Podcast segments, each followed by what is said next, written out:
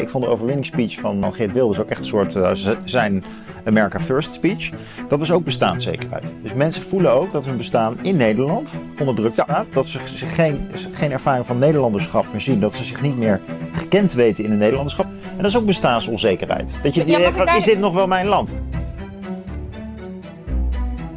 Het ideaalbeeld ja. Uh, van een, een, een, gezin met twee kinderen en een, uh, en het mag ook gewoon een gezellig homostel zijn, daar gaat het me niet om. Het gaat erom, kun je met twee mensen een huis financieren? Met een eenverdiener het liefst. En als ze dan allebei gaan werken... Dat is dat totaal ondenkbaar, nou. Dat is helemaal weg. Dat is totaal ondenkbaar geworden. Hoe komt het dat wij een briefje van 100 of 200 zien als crimineel? Waar is die afslag gemaakt? Welkom bij de Nieuwe Wereld. Mijn naam is Marlie Stekkers en mijn gasten vandaag zijn Arno Wellens en Jelle van Baardewijk. En we doen nieuws van de week. Zo, jij hebt me laten bungelen. Drie jaar heb ik achter jou aan moeten. Maar dan krijg je ook wel wat. Huppelen? Oké, oké, ik kijk er naar uit. Leggen we er niet druk op. Ja. Ik uh, bewonder je heel erg, jouw werk, wat je doet. Ja, waarom eigenlijk? Ja, ja goede vraag. dat gaan we vandaag wel zien. Nou, ik wat ik echt waardeer is dat dit is nou journalistiek, vind ik. Hm. En dan doe ik een gesprek. En wat jij doet is echt journalistiek. Je wordt ook wel toch, je bent ook controversieel onder de journalisten, toch? Andere journalisten. Hij, hij gaat echt naar Europa. Die, die, die, die, hebben niet zoveel met jou. Nee, er zijn heel veel die mij niet moeten, zeg maar. En ik denk dat je het al goed doet. Een journalist uh, die, die, die vrienden heeft, dat klopt niet. Net iets als een herdershond die een bedrijventerrein laat bewaken. Die heeft, ja, is ook geen heel leuke. Ja, je bent geen masseur of zo, of een fysiotherapeut. Het zijn mensen die vrienden hebben. Nee, binnen, als, als je op zoek gaat naar dingen die niet leuk zijn, en dan, dan krijg je ook mensen om je heen die jou niet mogen. Ik denk dat dat een heel natuurlijke. Maar ik vind jouw dossierkennis van Europa. En jij zit volgens mij heel vaak in een lege zaal bij persconferenties. Ja, dat is de, die foto heb ik gedeeld. Dat vind ik, vind ik terecht, inderdaad. Dat is de. Nou, mooi bruggetje. Uh, inderdaad, op het moment dat digitaal geld, central bank digital currency, dat dat werd aangekondigd. Wanneer werd dat aangekondigd? Uh, dat was uit mijn hoofd 17 juli 2022. Ja. 12 juli 2022. Grote persconferentie, Europese Raad. Aansluitend met een aantal Europese instituten. In overleg met de Europese Raad, dus waar alle regeringsleiders in zitten. Die vergaderen achter gesloten deuren, kun je geen notulen van opvragen. Uh, en daarna inderdaad de Europese Commissie, Stabiliteitsmechanisme, Eurogroep. Zeer zware delegatie. En die zeggen, jongens, we gaan dit en dit en dit doen ik zit dan alleen in de zaal, zo goed als. Er waren wel een paar buitenlandse journalisten, maar geen Nederlandse pers. Niemand in de Nederlandse pers schrijft over wat daar wordt gezegd over digitaal geld. Hm. Ik doe dat wel en dan zeggen ze, ja, je bent gek. Want, want ik heb dat, zeggen mensen ook wel eens in mijn omgeving. Van, dan zeggen ze, ja, ik heb het NRC, uh, eh, ja, ik lees het NRC en daar stond dat niet in. Niet. Nee, maar die, er was ook niemand van het NRC in die zaal. Dus, ja. Of NRC Handelsblad. Maar goed, daar gaan we de diepte in één op één. Wat je wil. straks nog een... Uh, ja. een gesprek opnemen. Ik denk dat, je, ik denk dat het, daar, dan, dan krijg je dat wel. Maar dan vind ik, dan hadden die anderen, als jullie het beter doen, dan moet je ook naar Brussel, moet je ook naar die zaal gaan. Dan moet je er ook over schrijven. Ja. Het hangt natuurlijk ook wel samen met iets breders, namelijk dat de economie echt sowieso niet goed verslaan wordt door journalistiek. Ik, ik, vind, ik vind eigenlijk de financiële journalistiek matig. Heel matig. Ik heb daar zelf heel vaak mee te maken gehad. Het, het, FD doet nog wel wat, maar zeker NRC en uh, Volkskrant valt heel erg tegen hoor. Heel veel meningsvorming. Luister, ik heb daar heel vaak mee te maken gehad. Als mijn jaarrekening gedeponeerd werd, dan stonden zij altijd op hun achterste benen. En wilde alles weten van mijn jaarrekening. Altijd voorpagina, jaar na jaar na jaar na jaar. Zo'n mini pini bedrijfje als ik ben. Maar goed, ik ben heel trots op. Maar... En dan gingen ze dan zogenaamd allemaal kritische vragen. Nou, ze konden gewoon een jaarrekening niet lezen. Ja, ik heb daar niet heel veel respect voor doorgekregen. Heel speculatief. Dingen niet kloppen. Maar goed, je, je, je zet wel werkgelegenheid op de tocht, zeg maar. Door iedere keer dat zo te framen. Ja, je hebt eigenlijk bedrijfswatchers nodig, hè, als je dat goed wil doen. Ja, met in alle eerlijkheid, en dan ga, dan ga ik hier ook weer geen vrienden mee maken, maar als je persconferenties kijkt, inderdaad, je ziet er interactie tussen de pers en een bepaald bedrijf. En de eerste keer dat ik dat heb gezien was uh, bij Dirk Scheringa. Dat was de laatste persconferentie voordat hij echt omviel. Hm. En ik, had toen, ik werkte toen bij Quote en ik heb er ook wat over geschreven. En ik kreeg ook intern best wel wat tegengas dat mensen zeiden, moet je dat wel doen? Want ik zei, hij gaat eraan. Die rente gaat omhoog en dat overleeft hij door hoe hij zichzelf heeft gepositioneerd. Hij zit scheef met rente. Uh, hij gaat gewoon kapot. En ehm, toen zei Dirk Scheringa, die zei ook van... ja, maar die Amerikaanse moeilijke hypotheekproducten... waar Lehman Brothers op kapot is gegaan... hij zei, die heb ik helemaal niet. En toen zei ik van, dat is gewoon niet waar wat je hier vertelt. En je kunt gewoon op het adres van een bank kun je gewoon zoeken welke bedrijven daar door een trustkantoor nog meer zijn ingeschreven. Hm? staat gewoon in het telefoonboek. Zo makkelijk is het. Dus securitiseren, uh, beleggingsproducten maken rondom hypotheken. Wat controversieel en instabiel is en allerlei problemen met zich meegeeft. En daar kun je dus ook aan kapot gaan. Dan moet je een apart bedrijfje hebben dat op jouw adres zit en waar je dan de dingen doet die, waar de bank geen vergunning voor heeft. Ja. En dat gebeurt nu nog steeds trouwens. Ik vind het altijd zo ironisch en dat, dat securitiseren noemen. Ja. Wat dat, dat, dat woord security in doorklinkt. Hè? Ja, want dat is het ook. Dat is ook, dat is ook bedoeld. Ja, dat is het aan de ene kant. Maar aan de andere kant is het een hele volatiele markt. ja, want je maakt iets eigenlijk ook potentieel instabieler. Dat is de, de grap die eraan vastzit. Het is heel uh, eufemistisch.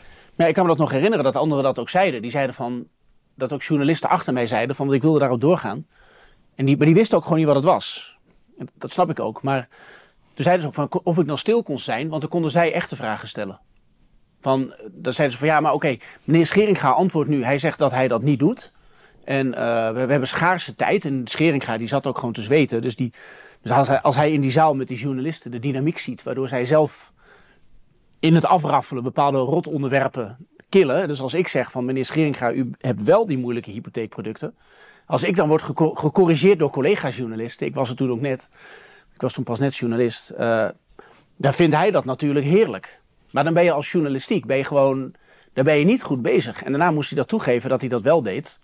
En daar, toen ging die ook nog kapot. Maar je had al in de, gewoon in de Kamer van Koophandel, in de gratis variant of in de telefoonboek, telefoonboek.nl, kun je gewoon zoeken dat hij allerlei aparte BV'tjes heeft. Mm.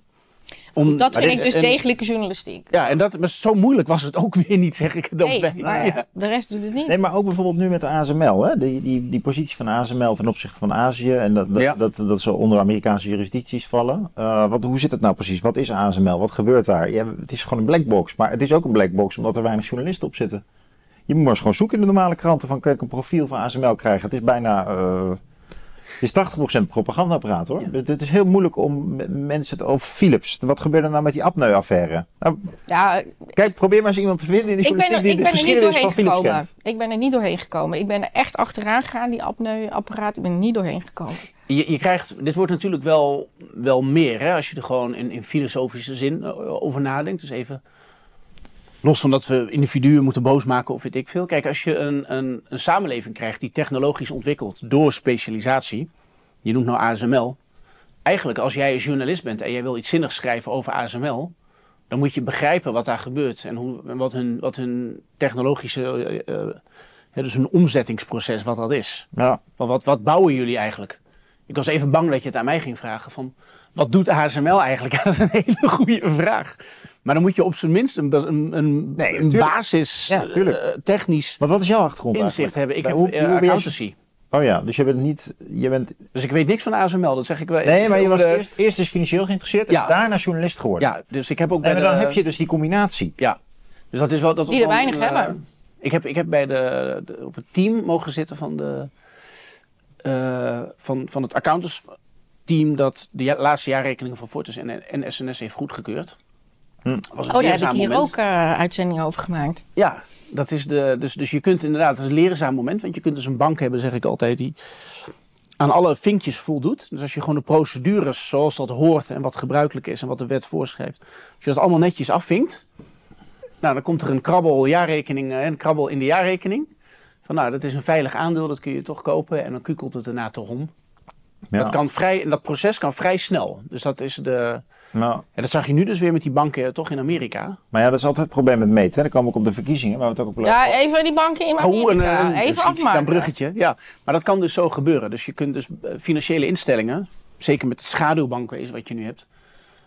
Uh, dus er zijn allerlei partijen die achter een bank zitten. Die hebben geen bankvergunning, maar die doen allemaal dingen die een bank ook doet. Uh, die kopen bijvoorbeeld beleggingsproducten, hypotheken van banken over. Hm. Als er in dat schaduwbankwezen iets gebeurt. Door een partij die vrij onbekend is, uh, maar die wel hele grote zaken doet met onze eigen banken bijvoorbeeld. En daar valt er eentje om. Dan krijg je allemaal dynamiek die lastig uit te leggen is en ook, ook gewoon lastig te voorspellen. Dus de, maar zie je dat dan net weer die repo-crisis? Bedoel je dat? dat ja, dat is een voorbeeld, ja. ja. En ik denk dat je nu ook moet uitkijken. Je hebt die flinke renteverhoging recentelijk gehad.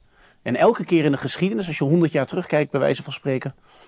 Niet bij wijze van spreken, doe dat gewoon. Kijk 100 jaar terug en dan heb je rente, dan ga je van 1% naar 5%.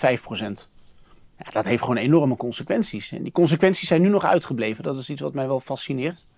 Nou, want dat heeft consequenties omdat dan de banken uh, onder water gaan met die rente. Ja, precies. Denk maar na. Als jij, als jij, als je ondernemer bent en je hebt een, een aantal bedrijfsplannen die je wil doen. En als je die bedrijfsplannen uitvoert, die, bedrijf, die ondernemingsplannen, dan krijg je meer banen, meer economische activiteit. Ga je meer belasting betalen. Omdat je groeit. Uh, als jij dat in je hoofd hebt als uh, ondernemer en je kijkt de hele tijd tegen 1% rente aan en je denkt, nou, ik ga nu. En ineens zie jij die rente naar 5% uh, omhoog springen, wat, wat nu het geval is. De Nederlandse bank heeft daar een heel mooi staatje van op haar eigen website. Wat zijn de fundingkosten van het Nederlandse bedrijfsleven? Onder de miljoen bijvoorbeeld voor kredieten.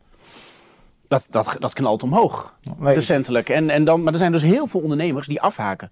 Heel veel vastgoedprojecten met woningen die zo nodig zijn. Um, en waarvan het al lastig was om die vergunning rond te krijgen in die stikstofcrisis uh, uh, situatie. Heel veel bouwprojecten, die, die ketsen nu gewoon af. Dat zijn allemaal ondernemers, allemaal bouwondernemers die dan iets van plan waren. Die woningen worden niet opgeleverd, die salarissen worden niet uitgekeerd. Dan zou je gewoon een recessie moeten krijgen. Ja, dat, en dat was de vorige keer ook zo. En dat, hebben we toch ook? Ja, maar niet zo heftig als... Je zou denken. Dat, in 2008 bijvoorbeeld, dat was de vorige keer dat je zo'n uh, zeg maar, zo'n rare hobbel in die rentegrafiek ziet. En waarom denk je dat het toch nog steeds uitgesteld wordt? Want ik zit ook ieder weekend te bidden dat ik denk... oké, ik denk dat het financieel systeem nu gaat klappen en toch klapt het niet. Het enige wat ik kan bedenken is dat er wel een geloof bestaat... en ik denk een terecht geloof dat... Um, dat als er iets vervelends gebeurt qua nieuws bij een specifieke partij, wat het begin kan zijn van een sneeuwbaleffect. Dat zag je in Amerika ook. Dan waren het, uh, het was eerst een Frans vastgoedfonds dat zei: ik laat mensen niet meer uittreden. Daarna werden mensen een beetje zenuwachtig over Merrill Lynch. En toen werd het Lehman Brothers. Lehman Brothers. Dus je kunt die chronologie kun je helemaal terugzoeken. Dat is heel interessant. Ik denk als het nu gebeurt, als je bijvoorbeeld. Nou, Bank of America wordt steeds toch van ja.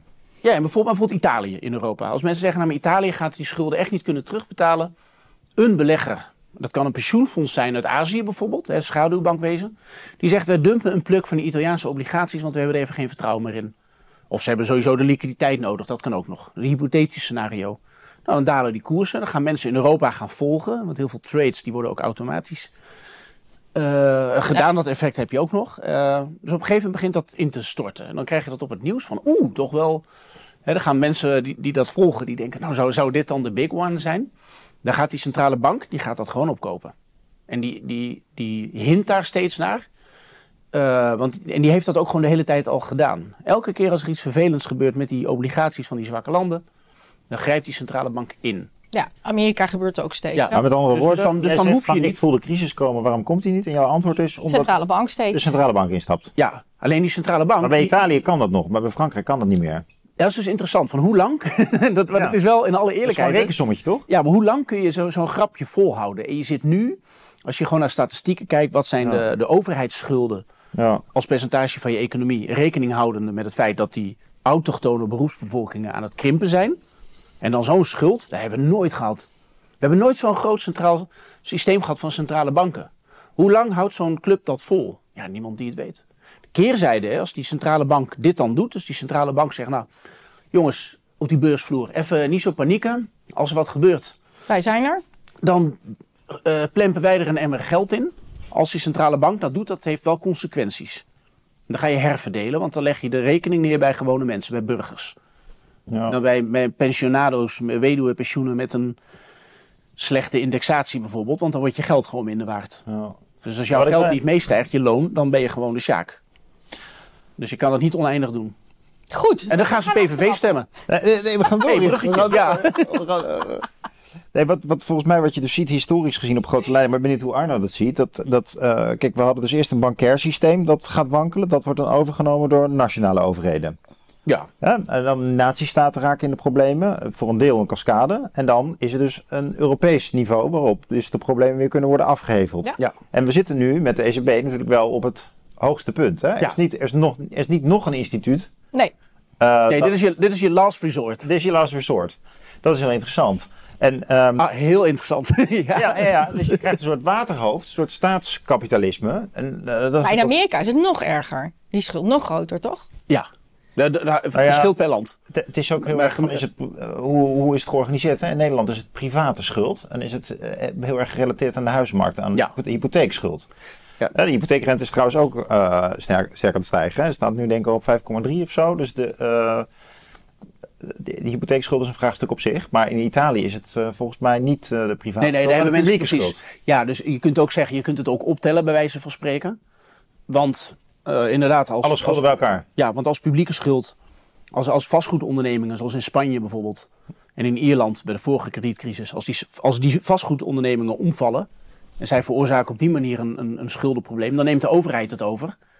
Uh, en dan, dan, dan schiet daar de schuld omhoog. Vlak voor de, vast, vlak voor de eurocrisis had Ierland uh, eh, 25% schuld. Dat was ver onder die 60% die Europa toestond en, en de staat. Oh ja. En, maar al die vastgoedpartijen die gingen om, die vroegen de overheid om hulp. Toen zei de overheid, oh wij helpen je wel, hier is geld, hier is geld. en toen ging die schuld van 25% naar 125%. En toen ging de overheid failliet. Dus inderdaad, je, je zou ook kunnen zeggen, het gaat om wat... Ja. Als, als die, die, die overheden, die bellen de banken op als ze in een crisis geld moeten lenen. En in die crisis, als die banken omvallen, dan gaan ze de overheid bellen van uh, red ons alsjeblieft. Want jullie die bellen toch... dan weer de ECB, ja. Ja, want die hebben dan geld nodig. Dan gaan ze weer naar de, naar de banken. Dus dat noemen ze ook de dodelijke omhelzing. Als die twee gaan in het ravijn, dan houden ze elkaar ook vast. Dat is ook echt zo. De centrale bank en de bedrijf. De doemloop, ja. De, de, in ieder geval de overheid en de, de overheid en de, overheid en de eigen banken. En wij moeten gewoon betalen. Ja, dus je, je kan niet zo gek veel doen. De, hè, bedoel, je, moet een reken, je moet een bonnetje moet je ergens uh, aan tafel neerleggen. Maar hoe, hoe strak staat dit landje, schat jij nu? Nou ja, wel strak. Want de, um, kijk, iets wat mij in, in dit opzicht verbaast... Uh, is het effect dat dit heeft op gezinnen. En op de koopkracht van gewone mensen. Nou, vooral dat, ja. En um, die laten vrij weinig van zich horen. Nou, het lijkt net alsof mensen dat niet helemaal ja, doorhebben. Het is toch een soort te ingewikkeld. Ik heb hier met Hester Baes ook heel vaak over gehad. Weet je, hoeveel eigenlijk allemaal afgewimpeld wordt op het MKB en, en op de gewone burger. En vooral de middenklasse. Ja, want als je nu heel eerlijk bent, hè. De, in theorie zou bij uh, inflatie, als je te hoge inflatie hebt, dat kan verschillende redenen hebben. Dan moet die centrale bank die moet ingrijpen om de koopkracht van mensen te beschermen. Centrale, dat is ook de, enige, enige reden waarom de Europese Centrale Bank bestaat. Die geeft zichzelf allemaal andere rollen, maar die centrale bank zegt: met 2% inflatie gaan wij ingrijpen, want wij willen niet dat je, dat je spaargeld, en, gewoon de koopkracht van jouw euro, dat die eraan gaat. Want dan, dan ga je het systeem niet meer vertrouwen. Het draait allemaal om vertrouwen. Uh, die, die inflatie, die was veel hoger. En die heeft ook lang geduurd. En je ziet ook dat die inflatie, die zie je ook op de huizenmarkt. Maar dat wordt dan weer niet meegenomen in het sommetje. Ja, dat zie je maar heel lang. Van, wat, wat, wat heel, ja. financiële crisis al. Ja. Maar het is heel raar dat ze dat niet meenemen. Want een huis is, jouw, is jouw grootste uitgavenpost. Dus als je, als, als je de ECB bent ja, maar je, kijkt... Het valt niet onder consumentengedrag, toch? Het is meer een investering. Uh, ik snap wel dat ze dat hebben weggedefinieerd. Ik bedoel, er is allerlei kritiek op te geven. Maar een huis...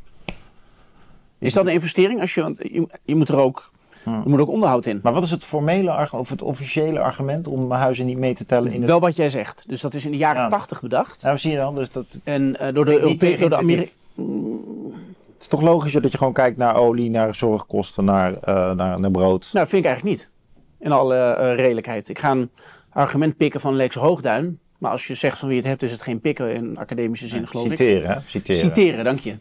Uh, kijk, in begin jaren 80 hebben de, wilden de Amerikanen, die hadden uh, een recessie, de early 80s recession, vrij heftig, heel heftig. Twee keer een, een, een dip, grote werkloosheid. En uh, die zijn toen wel aan het stimuleren geslagen. En dat hebben ze een beetje heel agressief gedaan. Dus er mocht ook veel meer schuld worden gemaakt. En, en tegelijkertijd wilden ze de Sovjet-Unie kapot produceren qua militaire hardware. Dat is gelukt. Dus je kan zeggen, nou, hoge staatsschuld, maar de, de, de, de ja. het resultaat is dat we de Sovjet-Unie zonder al te veel kogels afvuren eigenlijk gewoon hebben afgedroogd. Maar goed, in die periode heeft men wel gezocht naar een beetje manieren van creatief boekhouden. Uh, zo van, uh, ja, als je dan inflatie krijgt, moet je dan die huizenprijzen wel of niet meenemen. Nou, als je heel prudent bent, zou je kunnen zeggen, doe dat maar wel. Uh, maar een, een, vrij optimistisch persoon die zou zeggen van nou, ik zie de huizenprijzen door het dak gaan, maar er is niet zoveel aan de hand. Nou, die, die financieel optimisten, die hadden het toen eigenlijk uh, voor het zeggen. Hè, van jongens, net als tijdens die pandemie, we gaan gewoon lekker geld uitgeven. Ja. Niet beknibbelen. En uh, zo is dat geboren. En daarna kwam de euro met de Europese Centrale Bank. En die hebben dat stramien, dat idee eigenlijk overgenomen. Nou, en nou zegt Lex Hoogduin, die heeft daar een filmpje van gemaakt, wat door een paar honderd mensen op YouTube is bekeken. Dat is eigenlijk een cruciaal onderdeel, cruciaal aspect van, van onze economie en van onze samenleving. Wat hij aanhaalt. En dat is dat economen, vooral, en historici en politici, vooral economen, die geloven in het principe dat heet de Great Moderation. En de Great Moderation, die zegt dat vanaf, laten we zeggen, 1980 tot de kredietcrisis, daar kun je een beetje over discussiëren, maar laten we het even daarop houden, zie je dat de inflatie over het algemeen daalt, dat centrale banken effectiever worden in wat ze doen, centrale banken worden slimmer. Nou, daar is wat voor te zeggen, aldoende leert men. Uh, en uh, in, in, in 1980 had je ook gewoon nog 15% rente op een Nederlandse staatsschuld, op Nederlandse staatsschuld bijvoorbeeld. Kort daarvoor hele hoge inflatie, ook met die oliecrisis. Dus hoge rente, hoge inflatie, eng. En een economie, economische groei die heel erg ziet, uh, ziet schommelen. Nou, sindsdien was er stabielere economische groei. En je ziet vanaf de jaren 80 tot de kredietcrisis, zie je de stabiliteit toenemen. En je ziet ook dat de rente daalt, daalt, daalt, daalt, daalt. Alsmaar daalt. Tot onder nul. Tot onder nul, precies. En daarna wordt het interessant. Laten we even tot dit punt blijven. dat je dat dus zegt, want dat gaat dus eigenlijk door naar de financiële crisis. Ja, je zou op een gegeven moment... Zou je dus... het is niet tot de financiële crisis. In 2017 kun je nog voor niks een huis kopen. Ja, het is een beetje hoe je, waar, waar, waar je vindt dat de Great Moderation... Dus het, het grote matigen en alles wordt redelijk en stabiel en wanneer jij vindt dat die periode ophoudt. Dus er zijn economen, in ieder geval, ze zeggen allemaal... het begint in 1980 met die grafiek. Ja. Dus de term ook bedacht, geloof ik. En wat is het kernidee het, het, kern, het, kernidee is dat, je, dat een centrale bank... die kan dan naar de economie kijken, naar de inflatie. En die, die, die centrale bank die moet twee afwegingen maken. Die moet zeggen, ga ik afremmen? Ga ik de economie afremmen met een renteverhoging bijvoorbeeld? Want de inflatie is te hoog ik zie dat gewone gezinnen eh, zeuren, of niet zeuren, dat ze terecht klagen over inflatie. Dan ga ik afremmen. Uh, de rente gaat omhoog. Alleen als je die rente omhoog gooit, dan wordt het heel moeilijk voor overheden, maar ook wankele vastgoedpartijen, uh, het bedrijfsleven waar veel te veel schuld in zit, die krijgen dan te maken met een hogere schuld. Dus die gaan dan de centrale bank opbellen en zeggen van, joh, kun je dat eventjes niet doen? Dus die centrale bank die zit tussen die twee en dat, uh, dus dat, dat is een spanningsveld. is bij het MKB renteswaps naar binnen gegooid. Hè? Dus op het moment dat die rente dan gaat stijgen of dalen, dan zijn wij het haarsje. Maar goed, vertel verder. Ja, nou, wat, wat die centrale banken altijd hebben gedaan, dus dit is dus het punt van Lex Hoogtuin, niet voor mij, is dat centrale banken in die afweging altijd hebben gedacht van, oké, gaan we luisteren naar het bedrijfsleven dat de rente laag wil? Of luisteren we ook naar gewone gezinnen die dan last hebben van inflatie en ook geen rente meer krijgen op spaargeld? Toen hebben die centrale banken altijd naar die gezinnen gekeken. Zo van, met die gezinnen gaat het eigenlijk wel goed. Want die inflatie is toch heel laag? Ze hebben toch nergens last van? Maar wacht eventjes. Tijdens die pandemie bijvoorbeeld, heeft deze gedachtegang... Nou, die gezinnen die, die, die, die komen even op het tweede plan. Tijdens die pandemie zijn die huizenprijzen... De huizenprijsindex ging van 140 naar 190. Zo'n beetje. Dus een huis wat eerst 3 ton kost om te kopen... waar jij dan misschien een beetje voor hebt gespaard hypotheek geregeld, weet je wel. Als jong gezin, ik ken mensen die dat hebben. Huis van 3 ton wordt ineens 4 ton. Ja, eh, het is nog veel erger tussen 2012 en uh, de coronacrisis. Uh, op heel veel plekken 50% waardestijging. Ja, maar wacht eventjes. Dus gewoon van 3 naar 6 ton. Ja, maar als we dat nou eens uit die statistieken laten, van die inflatie. Zo denken de centrale banken dus. Ja, dan klopt het weer. valt het nog steeds eigenlijk wel mee met die gezinnen hey, pandemie, we gooien er nog wat geld tegenaan, nog meer renteverlaging, enzovoort. dus, door, dus dat is het gevaar van, van dit denken, Arno, hoe dat, dat het wel meevalt. Het is, is wel een helder argument. Hoe kijk jij nou naar die taakstelling van die ECB, ook uh, journalistiek? Want kijk, uh, dat het alleen maar om inflatiebestrijding zou gaan, dat vind ik ook een beetje, dat is hun formele taakstelling. Maar officieus doen ze toch andere dingen. Ze kijken ook naar, net als de Amerikanen, naar werkgelegenheid. Hè? Dat, dat merk je ook, want de werkgelegenheid in Nederland is bijvoorbeeld prima. Dus dat, ze wegen dat toch ergens mee, volgens mij. Maar duurzaamheid is er ook mooi ingeslopen. Ja, maar dat, dat, nou, dat zijn toch dingen, die zijn, soms worden ze opeens geformaliseerd. Dat je denkt, huh, nou zegt Lagarde het ook. we moeten wel naar een toekomstige robuuste groene economie, zegt ze dan. Of dan heeft ze het opeens over werkgelegenheid. Maar het valt er een beetje, ja, het, officieel niet, maar officieus wel. Hè? Dus... Ja, maar dat is het prachtige aan een, uh, ook aan de manier waarop dat, dat is geformuleerd. Kijk, als jij zegt, wij zijn een centrale bank, wij moeten een beetje waken over die euro en dat het stabiel is. Ja. Dat Europa bij elkaar blijft, dat is ook sterk de suggestie. Hè? Ja, maar kijk, als jij vindt dat jij met klimaatbeleid als centrale bank, dat jij kunt voorkomen dat het continent door klimaatverandering onderstroomt, dan valt dat ook onder je mandaat. Nou, dat is, als je verbaal een beetje creatief bent, ja. en bij die centrale bank dus hele slim. Dus. Waarom zou een centrale bank het over klimaat moeten hebben? Nee, maar dat is gek dus, hè? want in, in, in, Europa hebben we dus een hele smalle taakopvatting die heel breed wordt geïnterpreteerd. En in Amerika heb je een veel bredere taakopvatting die volgens mij die veel smal, ja, dat wordt geïnterpreteerd. Is dat ook jouw... Ja, want de... Want Amerikanen hebben toch dat idee van dat ze willen eh, financieren op werkgelegenheid? Ja, ja dat klopt. De Europese uh, Christine Lagarde is wel iemand, uh, maar dat was Mario Draghi ook. Ja, maar die wilde juist Italië tegen alle prijzen. Uh, tegen elke. Takes, toch? Ja, oh, is dat jouw baan? is dat wel, ja, was dat. Ja, dat was. Uh, was, ben, ben, je daarvoor aangenomen?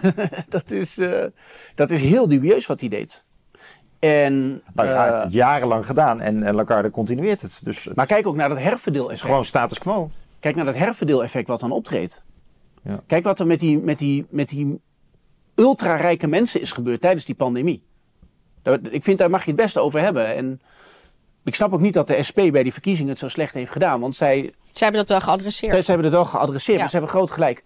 Dus uh, met mensen die me dit wel eens hebben horen vertellen. Ja, nou, sorry, dan, dan noem ik iets wat je al hoorde. Uh, weten jullie wat de persoon is die het hoogste salaris ooit heeft gehad in één jaar? Of de grootste inkomen? Dus waardestijging. In Nederland? Uit de geschiedenis van de wereld.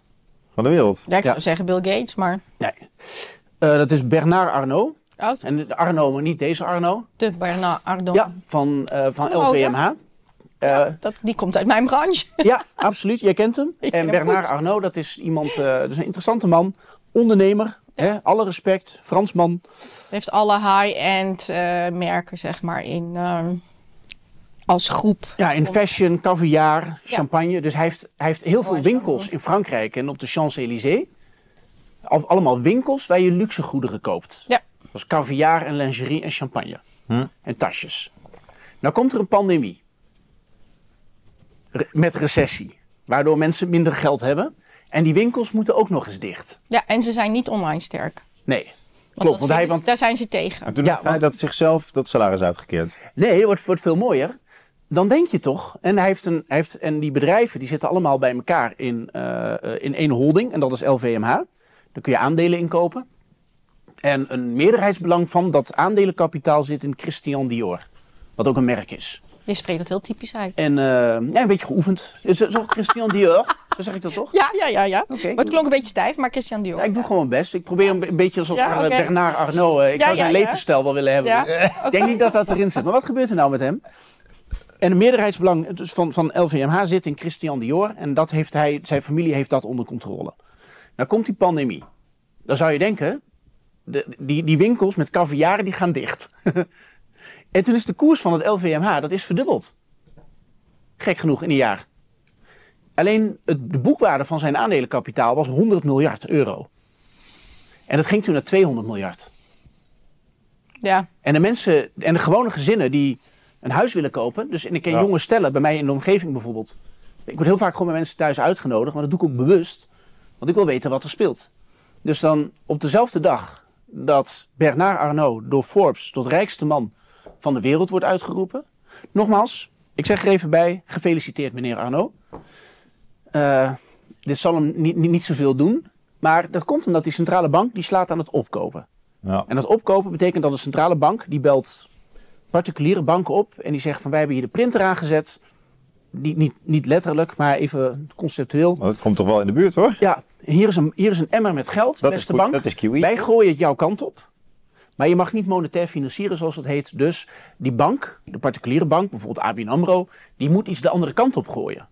En dat is een belegging of een obligatie die ze al hebben. En het idee erachter, als je de centrale bank belt, leggen ze het uit, staat ook op de website. Dat is omdat die bank, die heeft dan meer liquiditeiten. Dus een lening, dus een bak geld die al was omgezet in een lening, ja, dan kunnen ze een ondernemer niet opnieuw helpen met nog meer krediet. Dan moet die lening die hier ligt, die moet dan worden omgezet uh, in, in liquiditeiten. Nou zegt die centrale bank, hier is een emmer met geld. Ga maar uitlenen aan dat restaurant dat dicht zit tijdens de pandemie. Dus bij die banken heeft die, die berg geld die heeft zich opgehoopt en opgehoopt.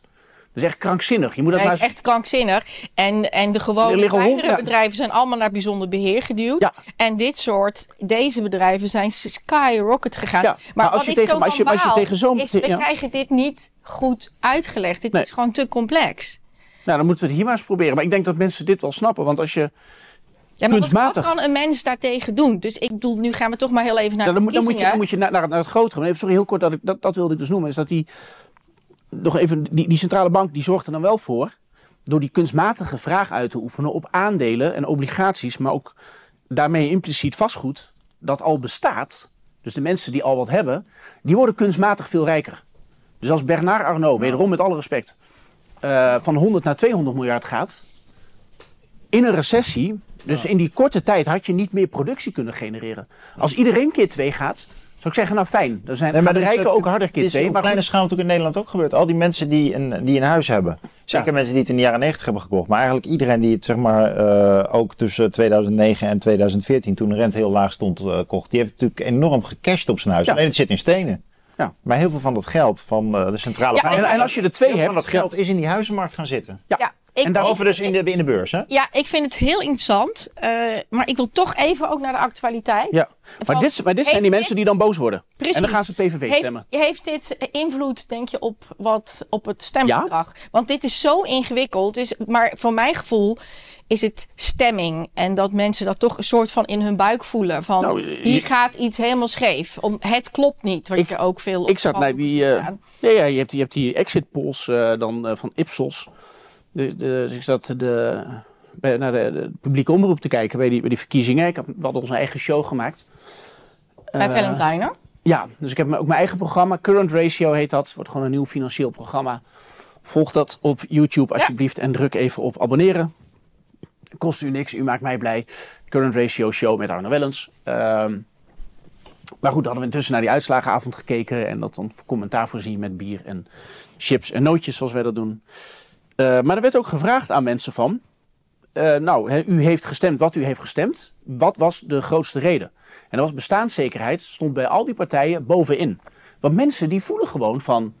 Eigenlijk wat ik net zei, eigenlijk het Lex Hoogduin effect zal ik maar zeggen. Van op papier met die inflatie, volgens die berekening die we dan filosofisch even moeten rondbreien, gaat het heel goed, want inflatie is laag.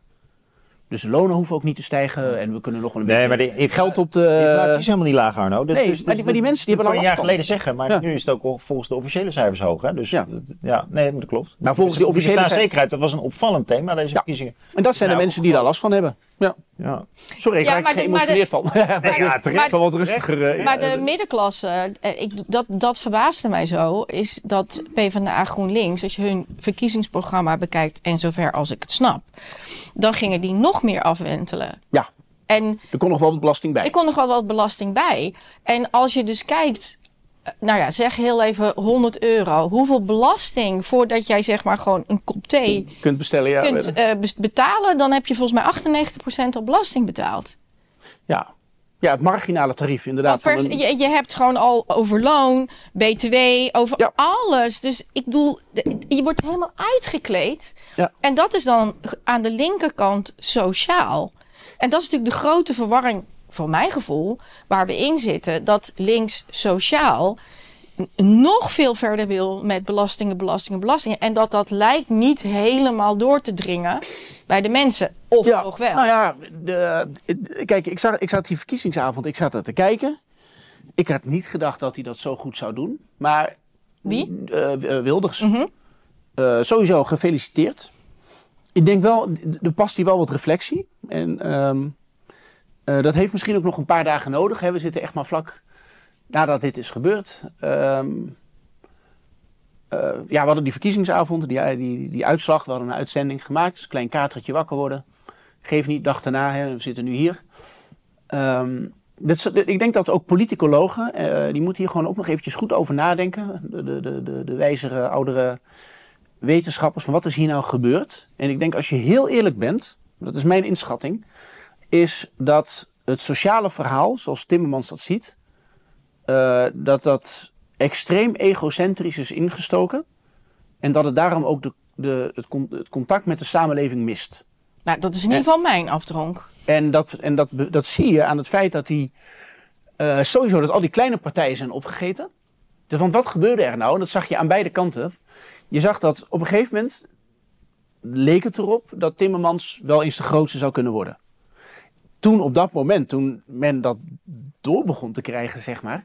Toen zijn van al die kleine partijen, uh, bijvoorbeeld Forum voor Democratie is gehalveerd, BVNL is uit de Kamer, uh, Ja 21, BBB, wat is daar gebeurd met die peiling? Dat was de grootste. Die zijn allemaal gaan zoeken naar van, naar, op, bij wie moeten we zijn om te voorkomen dat Frans Timmermans de grootste wordt? Ik denk dat dat... En we nog verder uitgekleed worden en nog meer belasting betalen. Dus dat, dat zullen de mensen dan hebben gedacht. Maar, maar volgens mij gebeurt dat. Wacht even. En, ja, en, oh, je mag zo. Je mag zo. maar, maar, maar, aan de andere kant gebeurde dat ook. Want je zag ja 21, Partij voor de Dieren. SP gek genoeg. Uh, terwijl die toch een heel duidelijk sociaal verhaal hebben. Toen zijn daar ook, bij alle kleintjes zeg maar, zijn ook allemaal stemmen weggegaan. Dus het was eigenlijk gewoon een titanenstrijd tussen... Uh, uh, tussen Frans Timmermans en dan degene op rechts, zeg maar, die dan net de, de, meeste stemmen had. Ja, wat ik even wil inbrengen, daarna mag jij. Maar ik, ik, uh, ik heb hier gezeten op de verkiezingsavond met Wierduk en met Ad. En zij hebben het gevoel dat, die, uh, dat 7 oktober heel leidend is. Mijn onderbuik zegt, ja, maar precies dit, die, die, dat bestaanszekerheid, ja. is volgens mij misschien nog wel een veel groter en dat essentieeler. Ik, ik ben het niet met, met, met, met ze eens, ja. Iets want dat is gewoon wat, wat. Nou, ik heb het ook bij mijn eigen bedrijf rondgevraagd. Nou ja, en heeft zoiets van. Je komt gewoon niet rond. Nee. Wat willen ze nog meer? Neem alleen al erf, die erfbelasting. Ja, krijg je dat? Ja. Wat die Sander, uh, hoe heet hij? Zo'n schimmelpenning. Ja, die ja, toch dat dat weet ik voor wat. Je moet alles maar weggeven. Stond nou echt in het PvdA GroenLinks programma ook dat dat dat naar hun toe moest gaan? Of was nou, niet, niet, niet, naar Timmermans zelf, maar de, de, zij willen wel die belasting verhogen, ja. Ja, maar echt extreem. Ja. Maar ook dus, dus als je getrouwd bent ja. en de een overlijdt, dan kan de ander niet in dat huis blijven. In uh, ja, dan krijg je. Wel, als je getrouwd bent wel. Maar het, het gaat dan met kinderen. Het gaat om rechtspersonen, hè? Ja. En er zijn sowieso goede argumenten voor te geven om erfbelasting te verhogen. Hè? Dus oh, daar hebben Jelle. Oké. Nee, er zijn best argumenten. Kijk, we, je wilt toch dat mensen uh, geld verdienen? Niet dan? Je moet er wel iets prestatie Ja, maar wat ik zei, hè, dus voordat je iets ergens hebt, hè, dus er is al een keer belasting overheen gegaan. Er is nog eens een keer belasting overheen gegaan. Dus ik bedoel, het, is gewoon onmogelijk om gewoon überhaupt iets op te bouwen hè, in Nederland. Nou kijk, wat ik over die erfbelastingen, wat raar is in Nederland is, we hebben eigenlijk dus de, de zorg hebben we afgeschaald. Dus als je oud wordt, ik heb zelf ook uh, een, een oude oma, nou dat, daar gaat het redelijk goed mee. Uh, naar omstandigheden hoor, is half blind, half doof, uh, woont in een soort huis. En ik heb ook een demente opa gehad. En wat mij opviel is de zorg. Uh, nou, die is, niet, is zeg maar niet van opgeknapt de afgelopen tien jaar. Die laag daarvoor, de, de bejaardentehuizen zijn afgeschaft. Dus wat heeft dat uh, in de praktijk betekend? Dat de families ontzettend belangrijk zijn in Nederland. Ja, en heel erg belast worden in, in zorg. Dat is negatief gezegd. maar positief gezegd, de familie neemt eigenlijk zorg voor ouderen op zich. Vanaf, zeg maar, het, afhankelijk van of mensen ziek worden, maar vanaf dat mensen 80 zijn. Soms is dat wel tien jaar lang.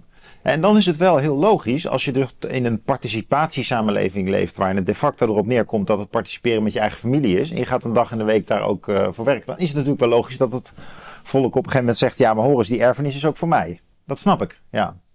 Dus in die zin snap ik wel dat erfbelasting, dat dat nu komt, dat dat raar is. Want de overheid doet een enorm beroep op families. Ja. Maar in theorie, in een verzorgingsstaat waarin de staat ook klaar staat voor ouderen, is het, is het best wel raar dat, uh, dat je niet ook een hogere uh, nee, erfbelasting hebt. Ja, dus echt, voor mij is dat, is dat een beslissende verandering geweest, de afschaffing van de bejaardentehuizen. Dat was eigenlijk het begin dat ik dacht, maar nou is het ook niet meer rechtvaardig dat het geld van opa en oma niet naar ons loopt. Maar tot die tijd was dat wel rechtvaardig. Maar dan krijg je het ook want, niet want de staat neemt, toch alles op, neemt toch alle zorg over? Waarom zou je nou zo enorm veel moeten krijgen vanwege de verdiensten van je ouders? Dat is, dat, dat, nou, kijk, dat, dat is ouderwets kijk, nou, twee dingen. Kijk, de, het, je hebt bij een, aantal onderwerpen. Zie je inderdaad dat de overheid zich dan terugtrekt. Dus eh, zeg maar het stukje dienstverlening. Zoals, de, zoals, zoals een, terras het zou noemen. Hè, van, uh, van ja, we komen niet meer aan tafel. Je moet maar bij de bar bestellen, want we hebben geen personeel. Hè. Maar de, koffie is wel even duur. Dan denk ik ook wel eens van. Nou, vind ik dan een beetje flauw. Hè? Maar dit, dit effect krijg je wel bij je samenleving. Dus er wordt dan bezuinigd en vervolgens weer heel veel geld uitgegeven aan andere dingen. Ja. Um, waardoor jouw uh, dienstverlening daalt, maar je belastingen gaan niet omlaag of zelfs omhoog. Ja. Hetzelfde als met die, met die basisbeurs met studenten. Ja. Er wordt er gezegd van nou de overheid gaat wat minder doen. Dus de studenten die krijgen geen studiebeurs meer. Ja. Maar, het, geld, betalen, het geld zou wel naar het onderwijs gaan. Ja, en dan gebeurt dat ook niet. Nou, dat wordt dan allemaal omgekat en omgelabeld. En dan blijken allemaal mensen met slechte contractjes die dat geld aan verdienen. Dus het geld verdwijnt gewoon. In de... Maar goed, dat, we nou ja, en daar, en daar, zit, daar zit een bepaald... We zouden, uh... nog heel even over de verkiezing hebben. Ja. Uh, kijk, eh, die, die notie van bestaanszekerheid. Ik ben er wel voor om die toch breder gelaagd te interpreteren. Dus het is terecht wat jullie wat betekent dat? Nou, terecht dat jullie zeggen dat het in eerste instantie om geld gaat. Maar je kunt ook een, een stem voor Nederland. Hè. Ik vond de overwinningsspeech van, uh, uh, uh, van PVV van Geert Wilders ook echt een soort zijn America First speech. Dat was ook bestaanszekerheid. Dus mensen voelen ook dat hun bestaan in Nederland onder druk staat. Dat ze geen, geen ervaring van Nederlanderschap meer zien. Dat ze zich niet meer gekend weten in het Nederlanderschap. Dat is natuurlijk een bijzonder vaag iets. Hè? Wat is Nederlanderschap nog? Maar op een gegeven moment heb je het net te veel soort uh, ja. strak zittende hoofddoekjes gezien. Net te veel in het Engels aangesproken door een expat. Uh, net, net, net, te veel. Weer een blauwe brief. Ja, nou, misschien dat aspect ook. Maar ik, ik denk dus nogmaals dat het niet alleen om geld gaat. Nee. En dan, dan raakt dat gevoel van Nederlanderschap, krijgt een knauw. En dat is ook bestaansonzekerheid. Dat je ja, denkt, daar... is dit nog wel mijn land? En mag ik daar ik even op iets nog... uh, inbrengen? Want ik, Tuurlijk. Ik, ik, heb zelf opnieuw gekeken 2007 wat Maxima zegt. Oh ja. ja Nederland bestaat niet. De Nederlandse identiteit bestaat ja. niet. Dus hoe resoneert dat nu bij jullie? Nou kijk, ik denk dat deze verkiezingen... Na deze verkiezingen? Ja. Ik... Het bestaat dus wel. ja. Nou ja, precies. Ja. Nou, dus ik vind hem heel interessant. Ik heb hem al tien keer opnieuw zitten bekijken. En toen dacht ik, nou, dit klinkt nu zo anders in deze tijd. Ja. Nou, hoe duid jij dat? Hoe duid jij dat, Jelle? Ja, nou, het, het, het lange verhaal. Ik, ik, ik hoorde een metafoor van Gabriel van der Brink. Die, dat vond een heel mooie metafoor. Die zei eigenlijk van ja, stel dat je Nederland nou ziet als een lichaam.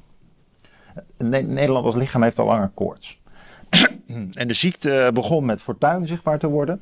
En uh, later met Baudet en nu met Wilders. En het, is eigenlijk, het zijn dezelfde type wonden, verwondingen. Mm -hmm. En wat, wat zijn die verwondingen nou eigenlijk? Nou, uh, geplot op de as van zeg maar, internationalisering en Nederlanderschap. Hebben die wonden precies daarmee te maken dat Nederland ontgrensd is. Dat mensen zich cultureel en economisch overgeleverd voelen aan letterlijk het financieel systeem. Maar ook uh, andere identiteiten waar zij zich niet in herkennen, wat ze als vreemd ervaren. En Wilders is wel de xenofobe invulling daarvan. Hè? Hij echt tegen moslims, hij is tegen moskeeën, hij wil de Koran verbieden. Hè? Dus nu, uh, godzijdank zou ik bijna zeggen, sinds hij dus de grootste partij uh, leek te worden, heeft hij dat gedraaid. Hè? Is het ja. van Wilders Milders geworden. Maar toch, er zitten wat xenofobe kantjes aan, hè? Van, in de zin van vreemdelingenhaat. En uh, dat zijn dus eigenlijk die, die, die wondjes hè? Van, dat, van dat nationale lichaam. En, en hoe kan je daar nou, hoe, hoe, hoe kun je dat nou zien? Nou ja, doordat links-progressief Nederland gecombineerd met een soort van zakelijk rechts van, uh, de, van de VVD. Eigenlijk Nederland in nou ja, ongeveer uh, 30, 40 jaar lang heeft uh, geprobeerd op te schalen tot, ja, tot het eigenlijk niet meer bestaat. De Europeanisering, globalisering en heel veel toestroom van anderen met een ideologisch verhaal. Uh, vaak in het Engels aan uh, universiteiten, waarin ook Nederland zelf. Ja. ja, ja, dat is ouderwets begrip. En uh, wat is de Nederlandse identiteit? Want mind you, wat Maxima daar zei, dat is gewoon koren op de molen van de gemiddelde sociale wetenschapper. Ja. historici die zijn ook al lang, die zeggen ja, Nederland dat is een constructie. Dat is een constructie. En dat zei zij eigenlijk ook. Ja, en, maar, maar, dus, dus die, die, die globaliseringstendens, hè, die eigenlijk al decennia oud is. En die waar, uh, zeg maar, links-progressief en zakelijk de managementtypes van VVD elkaar vinden. Die hebben dat Ja, dus eigenlijk mooi. hebben dat 30, 40 jaar lang in, over Nederland heen uitgerold. En dat, daar zijn we ziek van. We zijn gewoon ziek van de mensen die zeggen, ja, Nederland bestaat niet. En, vind en jij hebt mooi het zo goed. Ja. Wat vind jij Arno? Ik vind absoluut. dat mooi Ja. geduid. Ik kijk vooral inderdaad naar dat, het, het financiële verhaal. Inderdaad daarin, hè, van oké, maar eh, dus de, het de Nederlander met zijn, eh, met zijn huis. Hè, en, en, en, en die staat dan ook Ja, qua, qua, qua identiteit inderdaad onder druk. En die identiteit, ja, ik kijk zelf naar van kun jij gewoon rekeningen betalen. Ik vind dat een, een belangrijk aspect. Maar dan wordt ook nog je huis afgepakt. Want je kunt geen huis krijgen. En ik denk, eh, maar kijk, al met al, als je het allemaal optelt, ehm, dan, het, dan staat het onder druk. Dus zeg maar de, het, het ideaalbeeld ja. eh, van een, een, een gezin met twee kinderen en een, Ja. eh, En het mag ook gewoon een gezellig homostel zijn. Daar gaat het me niet om. Het gaat erom, kun je met twee mensen een huis financieren? Een eenverdiener het liefst. En als ze dan allebei gaan werken... Dat is dat totaal ondenkbaar, nou. Dat is helemaal weg. Dat is totaal ondenkbaar geworden. Maar kijk, ik denk, maar kijk, ik denk wel dat, dat kijk, bij dat Nederlanderschap hoort eigenlijk ook continuïteit. Dat is heel belangrijk. Ja, ik weet niet maar die gaat er dus uit. Ik weet niet hoe jij bijvoorbeeld kijkt naar de herziening van het pensioenstelsel. Nou, moet ik een keer apart over hebben. Maar je ziet dus dat, dat uh, uh, identiteitservaring heeft toch echt veel te maken met, uh, met stabiliteit, met een elementair gevoel van veiligheid. En dat is niet alleen maar psychologisch, dat is ook zeg maar uh, ja, sociaal. En dat heeft dus alles te maken met, met, met taal en instituties. Ja. Dus uh, kun je ervan op aan dat uh, als jou, nou stel je dochter is 24, die komt thuis, die doet al drie jaar een studie en die zegt het is gewoon volkomen mislukt. Ik ga mijn bachelor ook niet meer halen. Ik kom weer thuis wonen. Hè, een boemerangkind. Nou, dat is een heel reëel scenario. Hè? De uitval op universiteiten en hogescholen is torenhoog. Het zou ook universiteiten en hogescholen aan denken moeten zetten ja. dat dat zo is. Hè? Dat het misschien soms ook gewoon te saai voor woorden geworden is. nee, ja, nou, dat is gewoon een serieus probleem. Maar die, die, die ouders, hoe reageren die ouders? Nou, uh, als het goed is, gewoon uh, beveiligen. Zeggen, kom maar weer thuis wonen. Het kan. Je kunt het vertrouwen hebben dat er, dat er een nieuwe studie wordt gekozen. Ja? Nou, dat is al ingewikkelder nu, hè, want je mag maar vijf jaar studeren. Maar goed, dat er een soort manier is om toch weer een studie op te pakken. Of ondernemen. En op een gegeven moment, ja, of ondernemen. Maar we hadden het nou even over iemand die uh, in, in de studiekolom zat. En uh, dat hij toch op een gegeven moment uh, toch naar huisje bij boompje beestje toe kan. Ja? Precies. En als dat gevoel op een gegeven moment niet meer vanzelfsprekend is, ja, dan is er iets aan de hand in een samenleving. Ja. Dus je moet calamiteiten als, als gewone burger, ja. vader, moet je calamiteiten gewoon op kunnen vangen. Dat je denkt, ja, maar het komt helemaal goed met jou, meid. Ja, en dat is precies. En dat is dus het hele ver verkloten aan Nederland. Dat je dus mensen spreekt van die, van die leeftijd. Hè? Mensen van 50, 55 die dat soort kinderen hebben. En die, die, die, die zeggen van, ik ben ernstig bezorgd. Ja. En dat zou niet moeten. Ja, maar mensen dat moeten is... vergissingen kunnen maken. Mensen moeten kunnen scheiden. Mensen kunnen. Uh, ja, moet men... je moet kunnen scheiden. Ja. Je moet, je moet even je moet een andere plek kunnen vinden. Ja. En dan moet het weer. Dan moet, en die veerkracht. Ja. En, die, en dat is een stemming die in Nederland rondhangt. Maar voor een deel, voor mensen die echt in de problemen zijn. Hè, want dat, zo gaat het vaak. Hè. Je dochter stopt met studeren. Je vrouw wordt boos op jou. De relatie is toch al niet zo goed.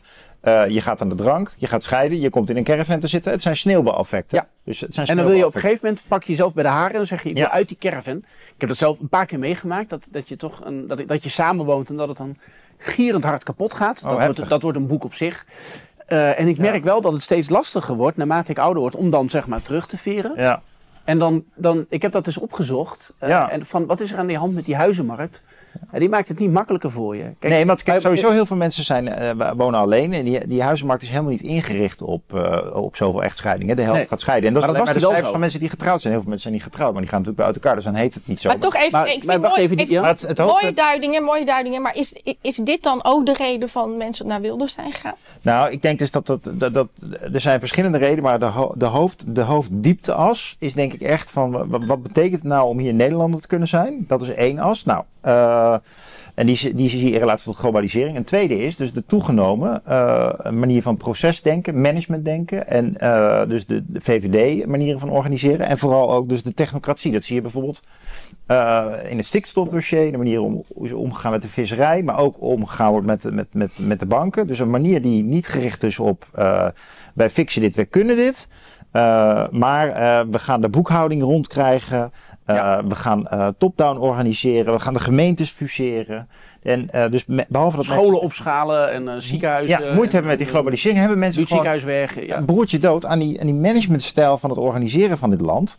En, da, en, en zo ja. lees ik ook echt dus de, de enorme groei ja. en um, ja, de entree van Pieter Omtzigt.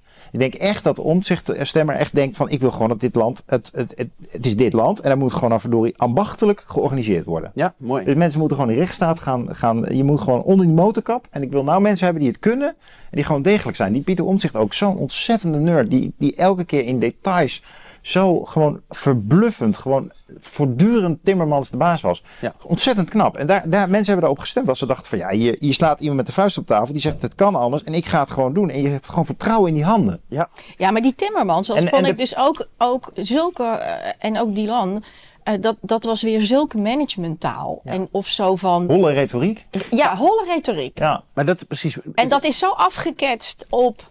Um, de behoefte aan echtheid. Aan, aan, aan echtheid. Dichtheid. Ja, Maar ook als je dan ziet hoeveel marketing PR geld eigenlijk uh, Wilders had. Uh, Caroline van der Plas. Uh, maar Wilders niks toch? Ja, 3 euro, zei hij. maar ze hebben dus zeg maar gewoon allemaal met nauwelijks marketinggeld... zijn zij dus heel ver gekomen. En dat is ook, vind ik, een breuk. Ja, nou, maar ik, nog één ding, dan heb ik mijn drie assen genoemd. Arno, dan kun je erop reageren. Dus ik denk, mensen hebben op hem gestemd vanwege die, die identiteitservaring. Op de as globalisering, nationaliteit. En dat is, diep, dat is nog an, anders dan bestaanszekerheid. Ik denk dat het iets te maken heeft dat men klaar is met die bureaucratie en managementbestuurstijl in Nederland. En terug naar het ambacht. Ook, ook dat heeft veel de stemmers wel aangetrokken. Zo van, hè, verdorie nou eens een keer gewoon... Uh, dat hier werk gemaakt wordt van iets. En dat is eigenlijk, zou je kunnen zeggen, een derde as. Namelijk dat mensen echt zeggen van er wordt maar voortdurend gezegd dat dingen worden opgelost, maar het gebeurt niet. En Wilders is wel iemand die in ieder geval zegt: Ik ga het doen. En het is volstrekt niet, niet geloofwaardig. Hij heeft de hele lijst. Tot de 15 is het ongeveer nog wel uh, iets. Mm -hmm. Maar vanaf de 15 is het natuurlijk uh, incompetentie wisselt elkaar af. Dus ja, hoe gaat hij in vredesnaam 37? Uh, ja, dat moet toch nog maar blijken. Ja, dat, ja. Maar dus daar, daar, ligt een uitdaging. Ik, ik heb niet echt, echt een serieuze uitdaging. Ik heb niet veel hoop van boven de 15. Nee, er wordt ook gewoon in kring rond de PVV gezegd van, er is echt nog een ja, er zitten heel veel praktisch ja, maar dat zou zonder ook... bestuurservaring met hele ja, grote Ja, ik vind heel fijn praktisch geschoolde mensen. Ik ben helemaal nou. klaar met de rest. Ja. Oké, nou, dus er zit laten we positief zijn. Maar, maar wat ik wilde zeggen is vooral... we gaan het zien. Hij, hij, heeft natuurlijk gewoon gezegd, we gaan het veranderen. We gaan bijvoorbeeld die migratiestroom stoppen. En al die andere uh, partijen hebben steeds gezegd, ja, maar dat kan niet. Het kan niet zomaar. We willen wel, maar het kan niet zomaar. Dat is echt het VVD-standpunt. Dus die wilde niet Terwijl het kabinet alleen het feit dat, Alleen het feit dat hij zegt, ik ga het doen Terwijl het eigenlijk nog helemaal niet overtuigend is dat hij het kan. Is al genoeg voor eh, mensen dat ze denken van, hé, daadkracht. Maar ook hier, ik wil even nog iets inbrengen. Heel fascinerend. Halve dag na de verkiezingen. Op nu.nl stond dit, dus ik neem aan dat het, uh, dat het klopt. Vakbond CNV wil geen arbeidsmigranten meer aantrekken. Nederlands personeel moet voortaan voorrang krijgen op de arbeidsmarkt, stelt CNV. De vakbond is het met de standpunt van Wilders en Omtzigt over arbeidsmigratie eens. 1 miljoen Nederlanders staan nog aan de kant, stelt de bond in de verklaring. Naar deze groep moet eerst worden gekeken voor we nieuwe arbeidsmigranten aantrekken. Ik vind dit best een aardverschuiving dat ze dat zeggen, ja zeker. Dit is zeer interessant en dat is die globalisering. Dus die globalisering betekent niet alleen in het Engels met elkaar communiceren wat helemaal uit de hand is gelopen. Maar ook dat je dus inderdaad aanbestedingen moet doen. Bijvoorbeeld het uh, schaatspleintje op de Dam in Amsterdam. Dat moest internationaal worden aanbesteed. Dan moeten arbeiders uit Frankrijk komen aanrijden. Dat wordt niet gegund aan een of andere Volendammer. Dat is gewoon belachelijk. Dat is ja, maar dat is een halve dag later. En dat is, heeft die, dus en dat, het gaat hierom. Dat is het ja, natuurlijk. Kijk, deze mensen die denken nu ook, we pakken de mediastroom mee. Die zijn gewoon jarenlang gecanceld. Ja, het grappige is trouwens dat, als, dat Frankrijk vervolgens wel die regels breekt. Ja, ja dat is een heel chauvinistisch land. Ja, die zijn daar veel. Dus al ons, al ons vervoer, bijvoorbeeld al het openbaar vervoer, is gewoon opgekocht door Franse en Duitse staatsbedrijven. Met een extra winst, omdat het een monopolie is. En dan zeggen ze ja, maar een staatsbedrijf, hè, dus bijvoorbeeld, eh, mag, mag niet hier iets kopen, zoals Connection of uh, weet je wel, Arriva of zo. En dan doen ze er een holdingje tussen zo'n schering gaat ja. zeg maar. Nou, dan mag het wel. En, ja. uh, en andersom. Energie, met energie ook. Met energie ook. Maar ook vissers hebben ze gewoon gesteund. Ja, dat Nederland gewoon al zijn energieinfrastructuur gewoon verkoopt. Ja, onder het motto van marktwerking. En dat andere landen dat dan in bezit krijgen. Ja, is een, van de, een van de alle. Daar goed, het klein tussendoortje. Wat ik, wat ik echt fascinerend vind. Wat, waar ik me mee bezig hou is. Uh, uh, zeg maar de, de, beroemde Russische oligarchen. Dus de. de de van de wereld. Nou, de, het is leuk dat je het inbrengt, want daar had nog een vraag over. ja, en wat, wat die allemaal hebben, dus die hebben ook zo'n zo'n tussen-BV'tje nodig. Ja, ING. En, en ING die faciliteert dat. Dus van over de hele wereld. Dus soms een Mexicaans drugskartel, een Angolese dictator, weet ik veel. En die vinden elkaar op de Zuidas allemaal bij het, bij het steentje van ING. Ik vraag het wel eens aan ING van, heb jij dan geadverteerd? Hoe komen, ja, het is toevallig, die mensen die komen dan bij ons. Weet je nog dat ING de boete kreeg wegens witwassen voor een of ander mm telecomschandaal? Mhm. Dat deden ze voor een specifieke oligarch. En dat was Michael Fritman. Um, en een, een, vriend van Poetin ook. En die staat ook op de sanctielijst. Dus op een gegeven moment, Fritman, die had ook een bank, Amsterdam Trade Bank. En die organiseerde feestjes in Nederlandse ambassades. Daar heb ik foto's van. In de oude Sovjet-republieken. Dat hij zei van jongens, we hebben een oud belastingverdrag tussen de Sovjet-Unie en Nederland en Cyprus. Als je het nou zo inricht dat jouw clandestine winsten, want daar heb je het vaak over vanaf die oude Sovjet-republiek naar Cyprus en dan naar Amsterdam gaat, dan kun je het vanaf hier belastingvrij doorboeken naar de Bermuda-driehoek, waar je uh, bankgeheim hebt. En dan heb je gewoon het hele land leeggestolen. Dus Oekraïne en Rusland, dat zijn gewoon failed states hierdoor, met hulp van Nederland. En En degene die die constructie had bedacht, dat is Michael Fritman van de Amsterdam Trade Bank. Nou, dit, is, dit, is een, dit is een heel gênant uh, hoofdstuk in de Nederlandse maar het wordt nog erg, ja? dat, dat wij echt een rol spelen als... Uh, als ja, ja, wij, wij, wij dit, onze ambassades. facilitator. Ja, onze ambassades die, die, dienen daarvoor. Die kraaiennesten daar, uh, die piratennesten ja. daar op de Zuidas, zoals uh, Ewald Engel het noemt, die, die ja. faciliteren dat. Die vast, maar ook de ambassades. las ik laatst dus in NRC, best wel echt een heel goed stuk hierover, over dat die Abramovic dus twaalf jaar lang onder het regime van Ralf Hamers ook nog, dat is heel sappig, want hij is later meegegaan naar UBS, heet het? Uh, waar uh, Ralf ja, ja. toen in Zwitserland is gaan werken. Dus uh, Abramovic. Dus dat bleek ook nog wel een een eentje te zijn tussen de CEO en deze grootste klant van ING. Ja. Die dus een miljardenrekening had. En dat is dus zo ontstaan dat hij dus na de val van de muur heeft hij van die grote bedrijven gekocht. olie, oliegerelateerde bedrijven. En dat heeft hij recent, dus nou ja, inmiddels ook al 15 jaar geleden, verkocht aan Gazprom.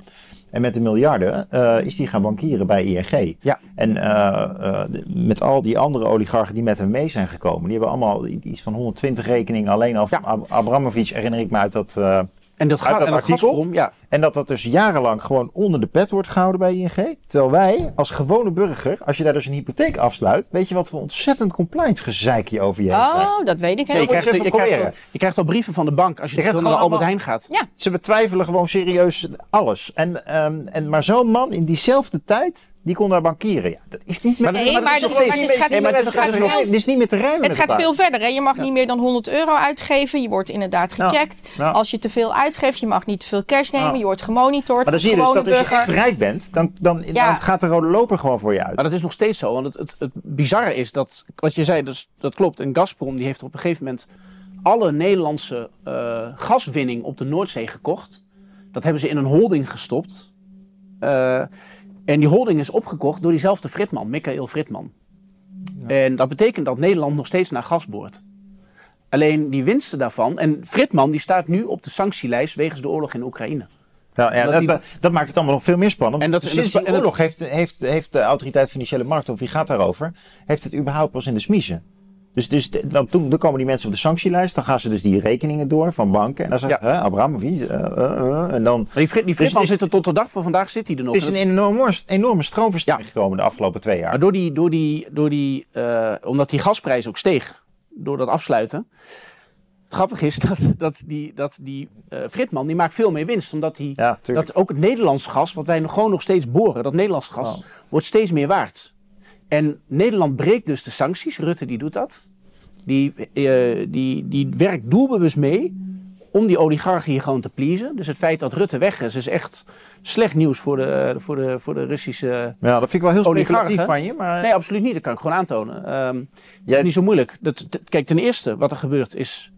Dit voorbeeld is dat Fritman, die staat op de sanctielijst wegens de oorlog in Oekraïne. Als dat Nederlands gas door de oorlog in Oekraïne veel meer waard wordt wat er nu gebeurt, is dat hij, ondanks dat hij op de sanctielijst staat, dat dividend mag uitkeren weg uit Nederland, een miljard euro. Dus een miljard euro aan winsten op gas, Nederlands gas, dat duurder wordt door die oorlog, ja. mag hij in zijn zak steken. Mag hij uit Nederland wegboeken ja. naar een buitenlandse vennootschap. Maar het ging mij nou even de suggestie hij... dat Rutte er zelf boven hangt. Ja, ik heb nou het idee bij Rutte, dat, dat is dus het hele probleem bij het Rutte-tijdperk, dat hij daar gewoon niet meer over ging. Ja, wel, hij gaat erover, hij doet dit bewust. Ik heb dat, je kan, uh, als je gewoon naar kremlin.ru gaat, wat, je, uh, wat nu dus lastiger is, wegens, uh, dan moet je het via een VPN of familie in het buitenland hebben, in Afrika of zo. Op 8 april 2013 hebben Poetin en Rutte afgesproken met elkaar. En hebben ze gezegd, Nederland, een DSM kwam ook mee. En hebben ze gezegd, de Russische wapenindustrie die moet vernieuwen. Dus toen heeft het Russisch wapenbedrijf Rostek heeft een deal gesloten met DSM. Fijke Cybersma die ging mee. En hebben ze gezegd, Nederland gaat helpen om... Maar dat was in 13? 2013. Nou ja, dus dat is nog voor de Krimoorlog. Uh, ja, vlak daarvoor. Voor de maar toen kwam, Krim, het, ja. het, bijzondere was dat toen heeft uh, dat wapenbedrijf Rostek heeft ook de Zuidas toen ontdekt. Van, hé, hey, je kunt dat gebruiken in een internationale holding. Ah, ja, ja, ja. Toen kwam MH17 en toen heeft Europa die directeur van dat wapenbedrijf, Chemezov heet die, Sergei Chemezov, goede vriend van Poetin, die heeft, hem, die heeft Europa op de, heeft Europa heeft hem op de sanctielijst gezet. Hm. Uh, het, ik heb daar veel over geschreven, werden er ook kamervragen gesteld. En toen is dat ook in een kamerdebat genoemd van... Goh, we hebben nu MH17. Heel veel van die hoofdrolspelers die zitten dus op onze Zuidas. En toen heeft Rutte, uh, die werd geconfronteerd met kamervragen door Jesse Klaver... en Rutte zei van ja, maar we, we kunnen geen onderzoek doen, want dan moeten we hun privacy schenden. Ja, dat is, en dat werd letterlijk gezegd. Ja, en dit is dus die. die maar, het is, maar ik zal dat mensen kunnen zich dat niet voorstellen. Ja, nee, nee, wel. En, heel, en, is typisch voor dit land. Dus maar, dat, dat, ik Jesse Klaver, een beetje misselijk van. Ja. Maar zoek dat op. Jesse Klaver. Eh, ik heb dat stuk heb ik eruit geknipt. Ja. Uit, en het, heet, staat op YouTube. Onvoorstelbaar en onacceptabel. Zo heet dat. Onvoorstelbaar, onacceptabel. Zo noemde Jesse Klaver dat. En uh, daarna heeft Erik Wiebes, want er, zijn dus, er kwamen steeds meer van die oligarchen.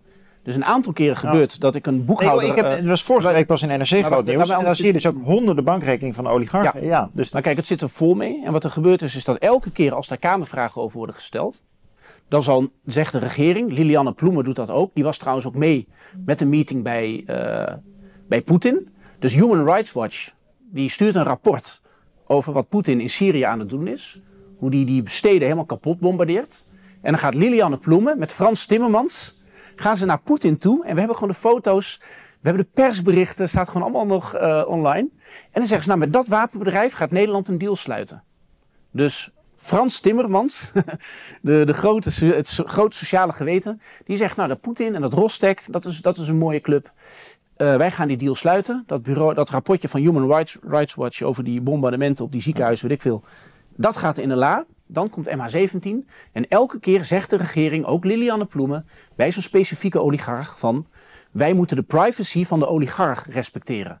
Ja. Zelfs als hij raketten in vliegtuigen met 200 Nederlanders erin vangt. dit is ook en dat is maar dit is niet speculatief. Dit kunnen mensen in al die... Daarom zeg ik dat, omdat het een heftig statement is. Ja, nee, maar je dat, je kunt dat uit, al die kamervragen, uit al die kamervragen blijkt dat. Elke keer als dit ter sprake komt... Nee, maar zeg, ik, zeg Nederland van wij moeten de privacy respecteren. Nee, maar ik waardeer je die diepe cynische blik en wat je allemaal. Ja, cynisch? Het, het, is, helaas zo. Dat is een officiële antwoord. Nee, nee, nee, ik bedoelde meer wat hij wat die openbaart aan machtsverhoudingen. Maar ik zou eerder zeggen dat dat gewoon de structuur is en dat Rutte er zelf maar een pionnetje in is. Nee, Rut, nee, nee Rutte die gaat zelf. Nee, Rutte die gaat zelf met Poetin aan tafel zitten. En Rutte werkt samen. Er staat ook op die flyers die ze uitdelen aan die oligarchen. Staat ook gewoon van. Georganiseerd door Kingdom of the Netherlands. Ik heb die, er zijn gewoon mensen die werken bij de ambassade.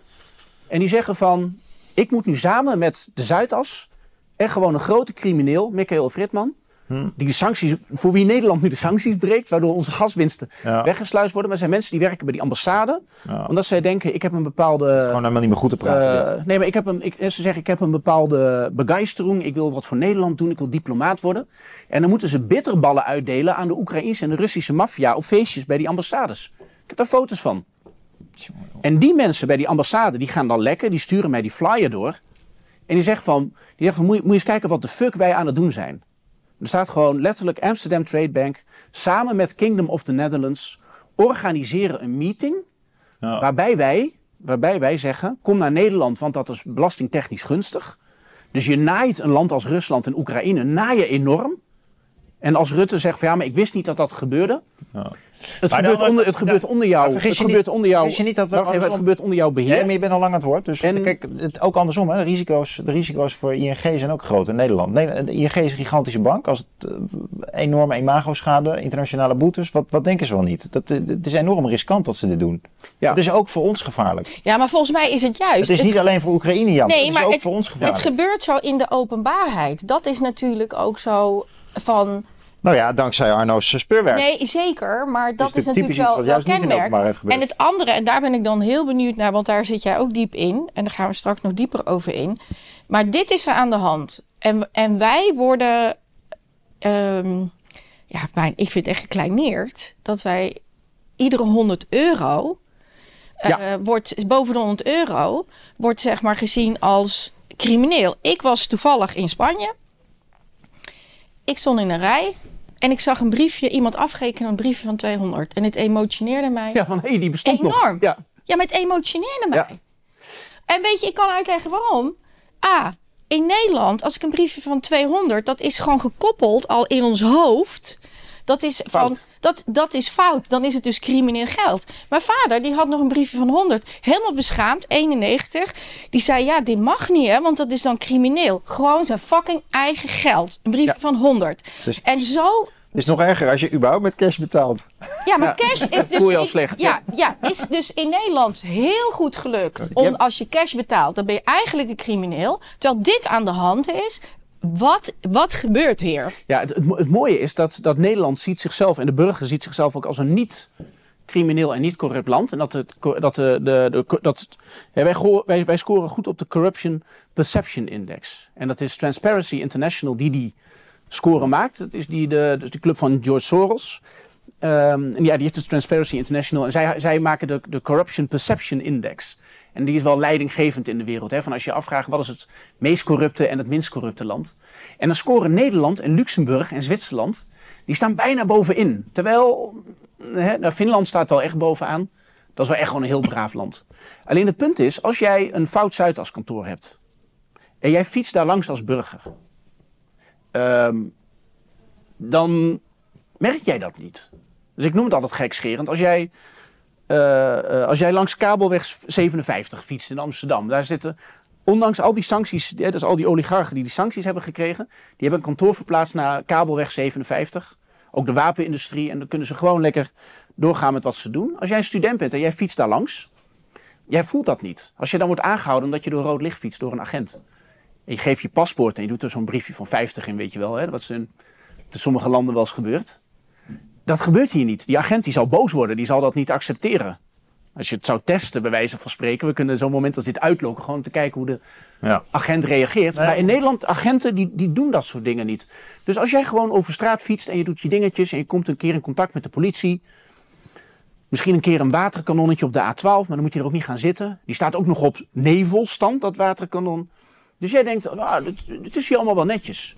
Maar dat komt dus omdat de burger aan wie wordt gevraagd door Transparency International: doe jij nou eens mee, beste burger, bij die steekproef?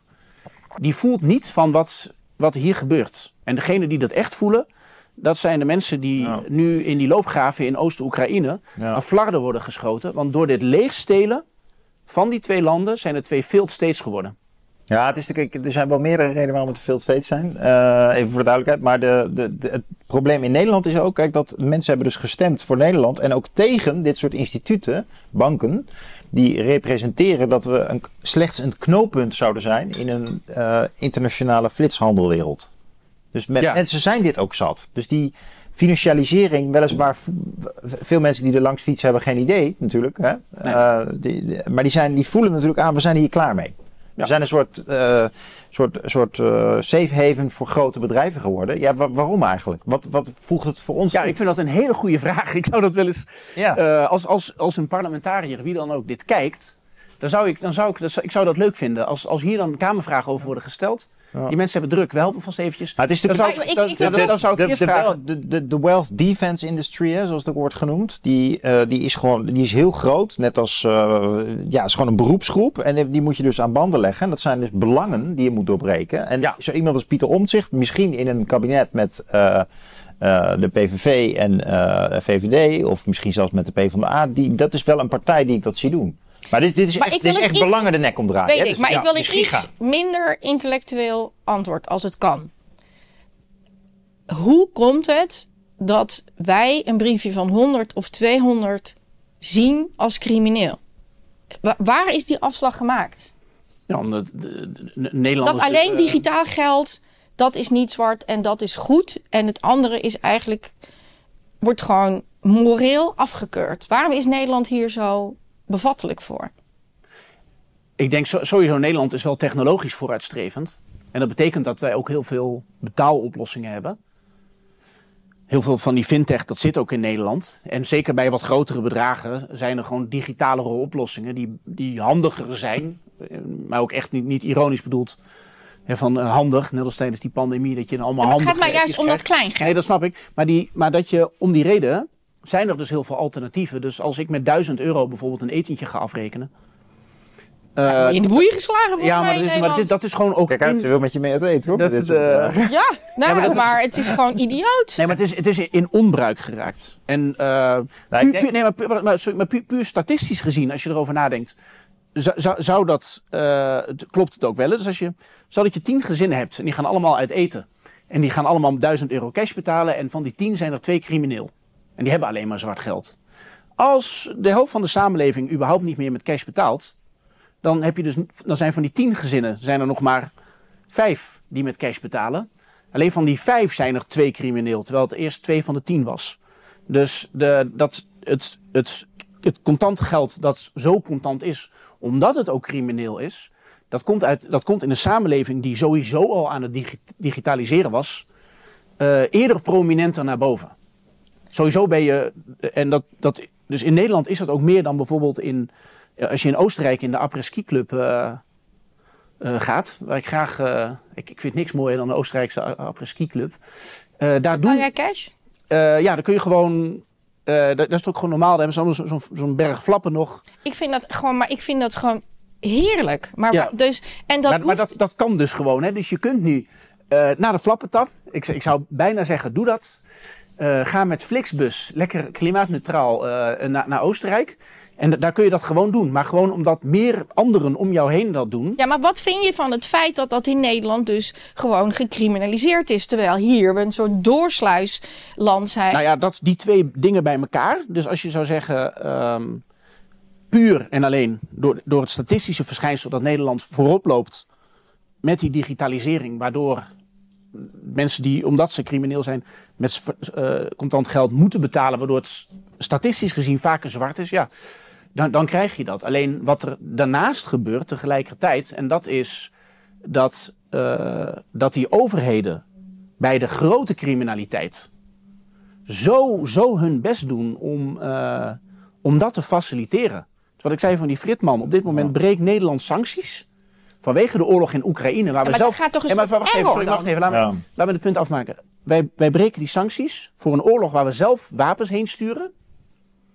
We breken de sancties voor Fritman, zodat hij onze gaswinsten kan wegsluizen uit ons eigen land. Dus die financiële infrastructuur, die beschadigt ons. Als wij dat bedrijf hadden genationaliseerd, dat wij zeiden van, gozer, wij staan op de sanctielijst.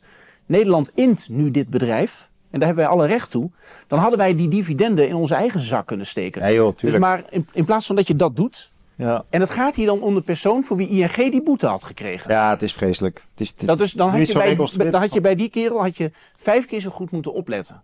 En in die, in die combinatie met wat ik dan zie gebeuren op de Zuidas. En als ik daarheen fiets, omdat ik met een uh, boekhouder wil praten die dan dingen doet. En die wil documenten lekken bijvoorbeeld. En uh, ik, kom dan op mijn, maar ik kom dan op mijn fiets aan. En ik zet mijn fiets tegen de elektriciteitskast. Uh, omdat ik met spoed die boekhouder die zegt: ik, wil, ik moet je nu eens laten zien, Arno. Er is iets gebeurd, een illegale transactie. Ik zeg: Ik kom nu naar je toe. Dan zet ik mijn fiets tegen de elektriciteitskast. Dan heb ik die illegale constructie op, in, op een USB-stick in mijn zak. Snel naar huis, wil ik artikel maken. Dan is mijn fiets meegenomen door de gemeente. Omdat hij één meter buiten het hek stond. En als ik hem ophoud, krijg ik ook nog 15 euro extra boete. Omdat ik de samenleving in gevaar bracht omdat hij tegen de elektriciteitskast stond. Nee, moet meneer, meneer Wellens, wist u niet dat we nu hele handige ondergrondse uh, fietskelders hebben? Ja, maar die 80-20 regel gaat gewoon helemaal niet meer op. Dus, dus we zijn bezig met honderdjes en met fietsen tegen uh, elektriciteitskast. Terwijl daar miljarden eruit vliegen. Ja, nee, ik, ik vind daar iets van. Als ik, ik dan, vind daar ook iets als van. ik dan de reprimande krijg dat ik de samenleving in gevaar breng door mijn fiets tegen de elektriciteitskast. Als ik dat, die reprimande krijg van de ambtenaar dan vind ik daar ook iets van. Ja, ik zal niet zeggen wat ik daarvan Het is gewoon meten met twee maten. Ik had nog wel een gedachte even uh, kort over die, die vraag over dat geld. Hè. Kijk, wat je in, in, in het gekke aan, het, aan het geldstel, als je bijvoorbeeld naar Italië kijkt, daar is nog een hele levendige cash-economie. Ja. En dan is het ook heel normaal als je bijvoorbeeld iemand voor de elektriciteit laat komen, dat je dan uh, geen belasting betaalt, maar dat cash doet. Zwart bedoel ik. Dus niet alleen cash, maar ook nog zwart. En uh, in Nederland had je ook lange tijd eigenlijk gewoon zo'n soort cultuur. Waar je en meer zwart deed en in ieder geval heel veel meer cash. Informele dat, cultuur. Informele... Nou, precies, informeel betalingsverkeer. En dat was gewoon heel groot in Nederland en mensen re regelden ook veel zo. Hè? Dus dat zie je nog wel een beetje bij de groente- en fruitmarkt nu. Maar dat was, dat was voorheen ook nog wel toen je kleine bedrijven had die je nog inhuurde. Nu is het ja. allemaal uh, of Ziggo of uh, Vodafone. Hè? En, en uh, heel veel centralisatie heeft ook plaatsgevonden. Ook bijvoorbeeld, weet ik veel, bij de dierenarts heel veel gecentraliseerd. Waar je vroeger ook nog wel eens een keer hè, met een paar tientjes of een vijftigje of bij de tandarts uh, cash betalen voor je kies. Dat is allemaal helemaal weg in Nederland. Dus op de een of andere manier zijn we heel erg nou, geprofessionaliseerd in het helemaal integreren in één economie. Het is gewoon één groot technisch bestel geworden. En dat is, wel, dat is wel raar, want twintig jaar geleden was dat nog minder. Maar als je terug gaat naar de jaren zeventig, dan was dat, zaten wij ook nog in dat meer Italiaanse model. Ja. En uh, het rare is nu dat, dat die verandering, die, is dus, die, die wordt als professioneel uitgelegd. Als je er niet in meedoet, dan ben je crimineel bezig. Ja. En dat is wel raar, want het is eigenlijk gewoon een strakke uh, technobureaucratie die in die economie doorgevoerd is. We zitten allemaal nu in één systeem. En als je er niet aan meedoet, is dat raar en uh, bedenkelijk. Terwijl eigenlijk is dat wel het oude culturele model van met elkaar wielen en dealen. Ja. Hè? En niet helemaal over handje en klap beginnen. Maar het is natuurlijk niet zo dat dat nou per se asociaal was of zo. Eh, dan stak je wel sneller iemand nog een vijfje toe of zo. Terwijl nu is het helemaal het systeem. Ja, want dan moet je weer, dus ook als je gaat pinnen en je wil een fooi geven. Ja. Dan, dan, moet je weer extra, dan moet het pinnen, dan klopt dat weer niet. Dat zo, dus dat wordt ook afgeschaft? Ja, en uh, het, ik denk dat mensen er geen, nog geen, kijk wat, hier wel gebeurt denk ik is dat die, je digitaliseert omdat technologie nou eenmaal ontstaat en die ga je op een bepaalde manier gebruiken. De vraag die je dan zou moeten stellen is van hoe gaat Nederland met digitalisering om? Het grote digitaliseringsdebat bijvoorbeeld. En dat doet Nederland niet. Dus Nederland laat dit een beetje over zich heen komen. we krijgen digitale paspoorten met allerlei veiligheidsrisico's. Het heeft ook democratische uh, uh, gevolgen van wat is de relatie tussen overheid en, uh, en burger. Mag die overheid bijvoorbeeld in jouw medische data handelen? Nou, de overheid heeft dat recht zichzelf toegeëigend. Weten de meeste mensen helemaal niet. Daar gaan we het zo meteen over hebben. Eén op één. Dat is wel maar daar, daar wordt dus een niet... elektronisch patiëntendossier in Nederland. Dat kwam maar niet van de grond. Hè? Omdat mensen eigenlijk, omdat uh, patiënten en artsen zeiden, nee, maar dat hoeft niet. Dus als je nee, je want... been hier breekt, hoeft dat niet in één soort nee. encryptie in een systeem. Je ziet nou toch weer inderdaad de beweging naar dat centraliseren. Het is al, het is al, registreren. Het is al verplicht. Het is de, Europese, de European Health Data Space. De Europese Commissie heeft het al naar zich toegetrokken. Ja, nou, toevallig was ik laatst in een ziekenhuis. Toen merkte ik wel dat mijn gegevens uh, van een ander ziekenhuis konden toch echt niet zomaar. Dan moesten ze bellen voor mijn gegevens. Ja, het, het is dus nog... dat vond ik wel interessant. Ja. Een bewijs voor dat dingen toch nog gewestgewijs georganiseerd zijn. Ja. Dus je kan niet zomaar in een dossier. Ja, misschien als het nee, gebroken had wel. Maar... Nee, maar de, de wet is er tenminste. De, maar die is nog niet, ja. die is nog niet helemaal geïmplementeerd. Het gaat daar komen ook. Het gaat daar wel komen. En het, de reden is dat je dan vanaf één toegangspunt per land Precies. Dus je krijgt dan een, er, er komt een nieuwe, een nieuwe uh, overheidsinstelling. Uh, die, die dan aan buitenlandse partijen. Uh, dat ook nog? Ja, jou, jouw data kan verkopen. Los van de vraag of jij. Het is zo dystopisch. Ik of jij dat wil. Maar dan, dan moet je dus ja. vragen van die, mijn medische data. Hè? Gewoon, dat ja. lijkt mij een, een, goed debatpunt. Mijn medische data. Is dat een, uh, mijn medische gegevens? Zijn dat medische goederen die van mij zijn? Of is het een economisch goed? Als het een economisch goed is, valt het in Europa onder markt. En dan gaat Europa erover. Zo wordt het nu ook gezien. Van ja, je kunt geld verdienen met ja. data. Dus. Mooi, uh, mooi, mooi definitiepunt van jou. Maar, dat, dat is, maar daar zou je dus een groot debat over kunnen voeren. En dan zul je wellicht ook zien dat de SP, de Socialistische Partij en de, en de SGP, dus de, de gereformeerden. Nou, ik heb ook wel, die, ik heb ook wel vertrouwen die, in dat uh, NSC die, dit uh, vindt. Nee, die vindt dat ook. Dat weet ik ook van ons. Ik weet ook dat hij hier kritisch op is. Maar dat, dit debat, dus die keuze is al gemaakt. Ja. Dus we krijgen de, de komende maanden krijg je allemaal toch wat nieuwsberichten, uh, ook bij de, de meer reguliere media. Over van, oh ja, dit is besloten en dit gaat er zussen uitzien. Ja. En die, die app, die, de app daarvoor, die komt in je bestaande bankrekening-app. Dat, daar gaat het ook waarschijnlijk heen. Nee, maar die, die, dus die, en, die, die, die, dat... En daar, maar daar is niet, maar dit gaat zo snel, die, ontwikkelingen. Die, die ettering in Nederland, dat is dus nu, dat kunnen we gaan negeren. Hè? Van wat mensen zeggen van, ja, nee, maar we zijn wereldburgerschap. Dit, dat, dat Nederlanderschap is een nostalgie. Als we dat gaan doen, hè, dan, uh, dan komt het weer terug. Ja. En die digitalisering hoort erbij. Je kan het negeren en toch gaan centraliseren, maar er komt een moment... Dat is, dat is het Brexit-moment. Dat komt. Ja. Als, je, als, je het niet, als je het niet integreert, als je dingen niet en centraal en lokaal houdt. Als ja. je die artsen niet zo organiseert dat ze ons beschermen tegen het systeem. Ja, als, je, maar precies, als jij dat niet wil. Als je dat, ja. als je dat gaat doen, dan komt echt de, de, de wal gaat het schip keren. Ja, er is nu ook in Europa besloten, vind ik heel grappig. Hè, met, met, bijvoorbeeld met digitaal geld, Central Bank Digital Currency. Als jij een ondernemer bent en jij wil dat niet accepteren, omdat jij zegt, maar ik heb al cash of pinnen dan moet, dan moet jij een apparaat op jouw toonbank zetten. Met de aparte infrastructuur voor CBDC. En die ondernemer gaat al die kosten betalen tegen zijn zin in. Waardoor je het hele principe überhaupt kunt, ja. kunt, kunt betalen ja, en, en, financieren. En dat zijn, dat zijn dat soort dingen. En, en daarvan zou ik zeggen, dat moet, dat moet je nu je moet, uh, dat zou Wilders kunnen doen of Omzicht, die zou ja, dit kunnen doen. Die moeten dat doen. Begin hier nou eens een groot maatschappelijk debat over. Nou nee, stop. Desnoods een parlementaire discussie en zeg bij bepaalde aspecten van, zoals het, het, het mijn elektronisch patiëntendossier is een economisch goed. Want ja. Europa, nee, nee, mensen willen dat waarschijnlijk niet. Dan doen we dat ook niet. En als Wilders dat zou doen, of Omtzigt, van oké, okay, de internationale golf, zoals de Europese Commissie om het zo maar te noemen, die ziet dat wel zo. Jouw elektronisch patiëntendossier is wel een economisch goed. Nee, Nederland, de premier van Nederland, die luistert naar de mensen op straat, die zegt nu van nu ga je een stap te ver. Wij zetten hier eventjes een streep. Luister jij maar. En als Wilders zoiets zou doen, dan ben ik van overtuigd dan, dan kun je ook heel veel irritatie en onmin en vrevel bij mensen weghalen. Ja, en dan, Want dan kunnen ze zeggen, krijg je ook oh een yes, kabinet er wordt, dat er wordt, er wordt, er wordt, constructief... wel, wordt wel naar mij geluisterd. Ja, en dan is het geen anti-establishment co- coalitie die je krijgt. Dat is ook Nee, want dan is het establishment dit dat zijn, het doet. Dit zijn Ja. typisch voorbeelden van eh, de regie terug in handen Ja. nemen. Jongens, we rennen door de tijd heen. Ik heb het gevoel dat ik tien kopjes koffie op heb. Ik sta Ja. helemaal stijf. Ja, dat, dat, krijg je, ja. Ja, eh, is mijn volgende gast al? Vraag ik even aan de techniek vast. Maar ik ga toch nog één ding aan jou vragen. Terwijl we eigenlijk over de tijd heen zijn. Ik vond jouw Substack ontzettend interessant. Misschien kort, maar toch dat jij nog iets kan duiden. Dat volgens jou is zeg maar eh, het klappen op de eerste dag van de schoolvakantie van het kabinet bedacht. Ja, het, ik, ik weet niet of ik dat zo had moeten zeggen. Ehm, Ik lees jou eigenlijk. het is, ja, je leest het. Kijk, het is wel, het is een, het is een bizar moment. Want het ging hier om alleenstaande minderjarige asielzoekers. Het feit dat je een kabinetscrisis hebt. En ehm, dan moet je ook afvragen of je, of je dan, als je dan een keer tegen eh, de internationalisering bent, of je dan die mensen moet pakken.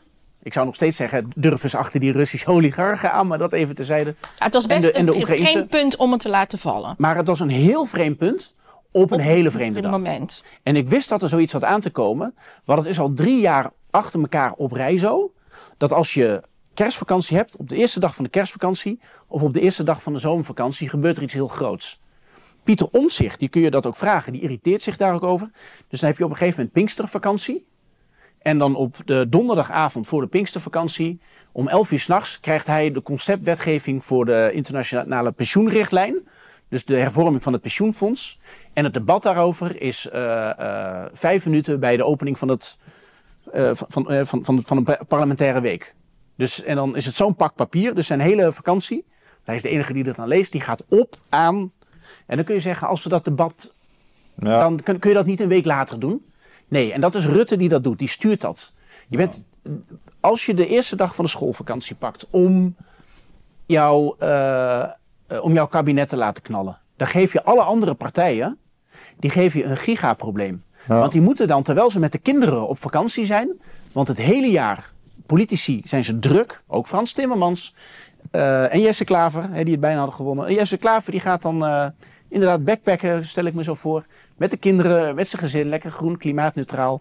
Zijn ze weg? Hè? Papa moet nog even werken, maar maandag hebben wij vakantie. En boem, op maandag, terwijl je weet dat iedereen snakt naar vakantie, op die maandag laat je het klappen. Die Eerste dag van het reces. machiavellistische trucken, die kennen we natuurlijk van de VVD. Ja. Maar dit is wel een miscalculatie geweest. Hè? Want de En- VVD heeft verloren. Maar nu dat ze, dat ze zich terugtrekken uit de onderhandelingen. Dat vind ik ook weer zo En, machiavellistisch. het is, feit en, een, en een grappig Dat feitje. is zo, ja, maar het is een illustratie. Ja. hiervan. Ja, dus een is, grappig feitje. Een week voordat dat gebeurde, was die scoutingcommissie van de VVD, die was al bezig om eh, nieuwe kandidaten te vinden. En eentje had mij gebeld.